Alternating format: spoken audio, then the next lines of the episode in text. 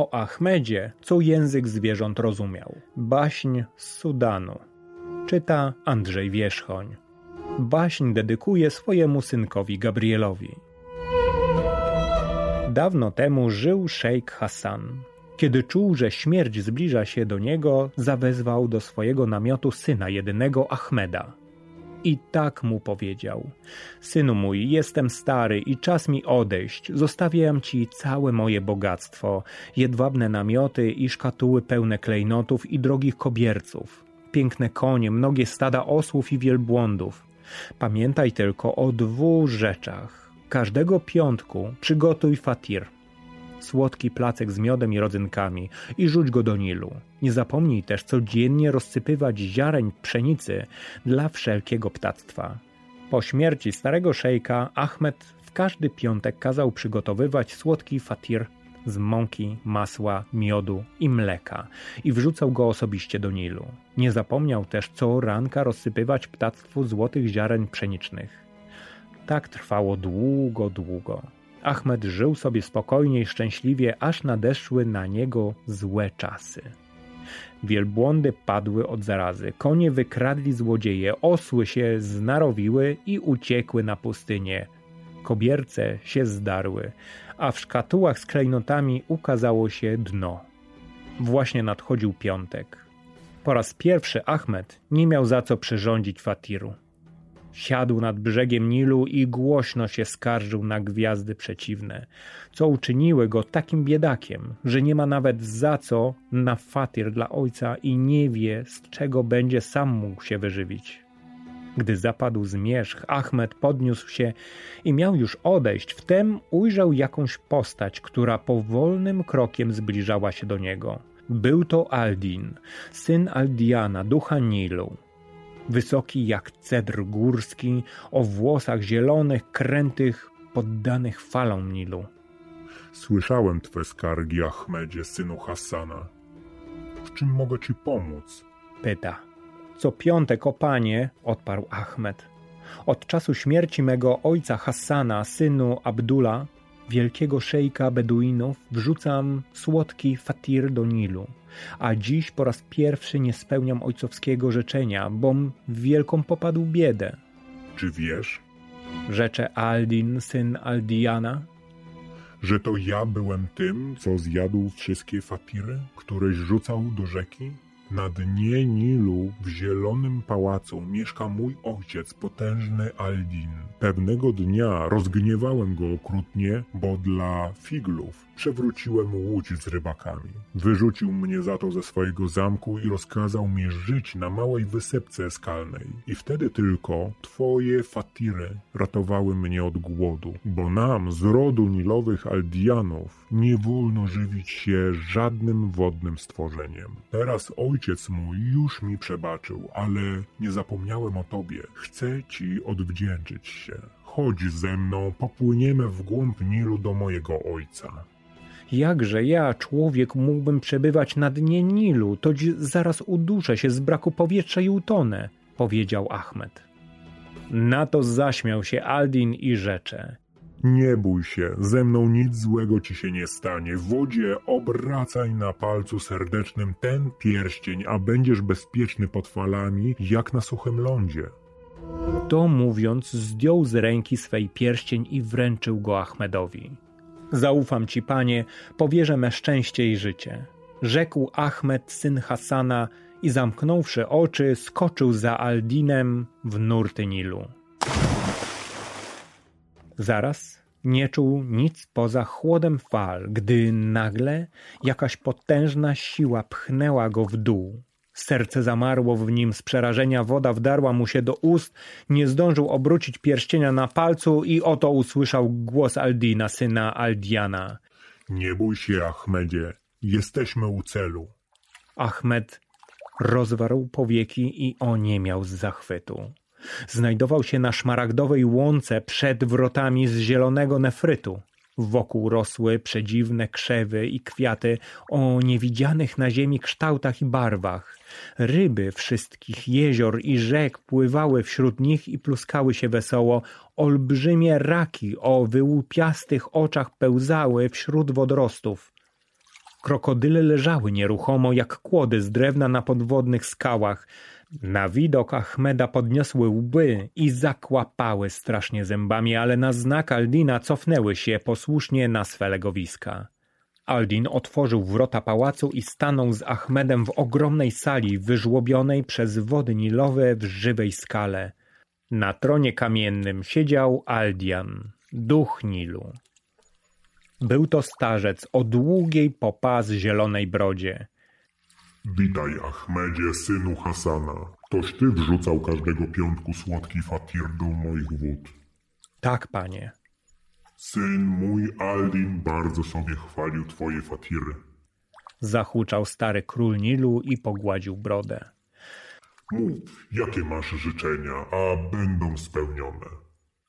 Ahmed już miał prosić ducha Nilu o złoto, pieniądze, drogie kamienie, gdy nagle wydało mu się, że usłyszał głos swojego ojca Hassana. Synu mój, poproś o dar rozumienia mowy ptaków i zwierząt. Szeptało mu coś do ucha. I Ahmed, posłuszny temu głosowi, poprosił Aldiana o dar zrozumienia mowy ptaków i zwierząt. Stary Aldian skinął na syna, a ten podał mu kielich z kryształu. Cudnie rżnięty w kwiaty, liście i ptaki rajskie, starzec napełnił puchar purpurowym sokiem i rozkazał Ahmedowi.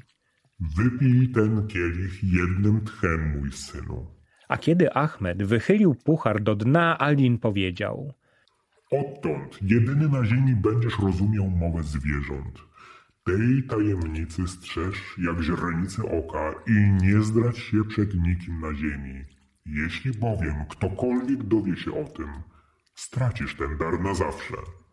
A teraz, mój synu, rzekł władca Nilu do Aldina, zaprowadź tego młodzieńca z powrotem na ziemię, między ludzi, tam gdzie jego miejsce.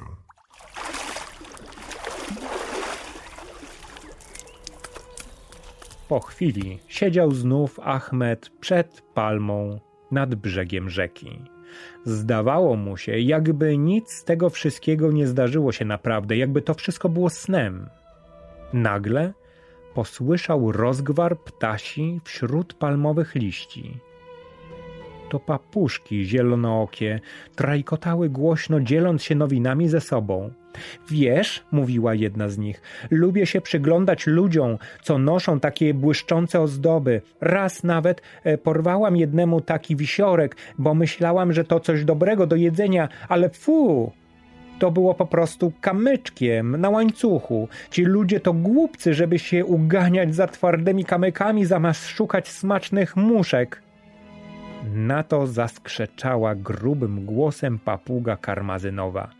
Dobrze mówisz, dobrze mówisz, ludzie są niemądrzy. Od nie tak dawno, przed stu laty mniej więcej zakopał, nie wiedząc czemu, pod tą palmą jakiś człowiek ciężką skrzynię, pełną takich błyszczących kamyczków, a sam w kilka dni później zabłąkał się w pustyni i umarł z głodu i pragnienia. No i sama widzisz, ludzie właśnie tak niemądrzy są i papugi paplając zawzięcie poleciały na drugą palmę. Słyszał to wszystko Ahmed. Nie zastanawiając się wiele, poszedł do domu po łopatę. Nocą zaś wrócił pod palmę. Kopał i kopał, pot spływał mu z czoła, a skarbu ani śladu.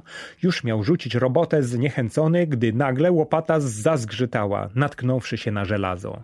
A więc papuga miała rację, prawdę mówiła. Była to skrzynia ze skarbem.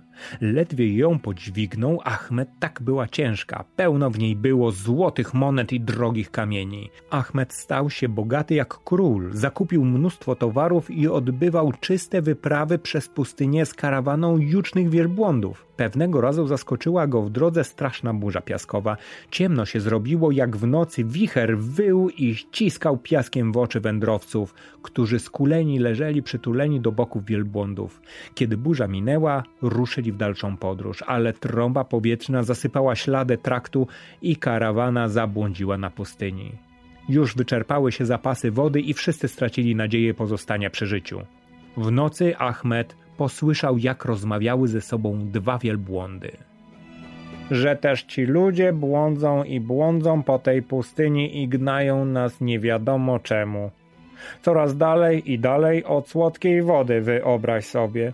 Jak tak dalej potrwa, to przyjdzie nam tu paść z wyczerpania chyba. Ach, a tak niedaleko jest oaza pełna świeżej zielonej trawy. Drugi wielbłąd stęknął. Och, popatrz, z ludźmi to tak zawsze. Pędzą nie wiadomo dokąd i za czym. Wyobraź sobie. Raz o mało nie zginąłem z głodu na wielkiej pustyni. Tak długo mój pan kołował i kręcił tam i z powrotem. W końcu przestałem go słuchać. O, e, znalazłem właściwą drogę i ocaliłem sobie życie i jego przy okazji. Gdy zabłysnął świt, Achmed poklepał swojego wielbłąda po grzbiecie i rzekł – Jedź, staruszku, dokąd chcesz i zaprowadź nas do oazy. Wielbłąd powstał powoli z kolan, chwilę chwytał rozdętymi chrapami powietrze, potem ruszył w stronę północną, a za nim cała karawana. Wkrótce Achmed i towarzysze dotarli do zielonej oazy, gdzie odpoczęli po trudach podróży. Leży Achmed nad źródłem w chłodzie, gryzie słodkie daktyle i rozmyśla nad dalszą drogą. Wtem słyszy klekot bociana. Po chwili dostrzegł ich całą gromadę brodzącą po łące. Dzisiaj łowiłem żaby nad sadzawką w ogrodzie sułtana. Klekotał Bociek do swojej małżonki kroczącej dostojnie tuż obok niego i słyszałem, jak pawie krzyczały, że księżniczka jest bardzo chora, moja droga. Sułtan kazał rozgłosić ponoć wszędzie, aż po źródła Nilu, że temu, kto ją ocali od śmierci, odda rękę właśnie tej chorej córki, która będzie uzdrowiona. O, to mi nowina, zaklekotała bocianica. Toć ja o tym dawno słyszałam od flamingów. Będzie już temu dwa obroty księżyca, a, i pamiętam, że flamingi jeszcze mówiły, jakoby nic jej ocalić nie mogło, jeno sok z tego żółtego ziela. Wiesz, co tu rośnie tak gęsto nad źródełkiem, ale cóż, nikt z ludzi nie rozumie naszej mowy, nikt nie poda chorej tego lekarstwa, aż to przecież i biedna księżniczka pewnie musi umrzeć. Gdy to usłyszał Ahmed, skoczył na równe nogi i zaczął rwać pełnymi garśćmi lepkie łodygi żółtego ziela, którego pełno było nad wodą.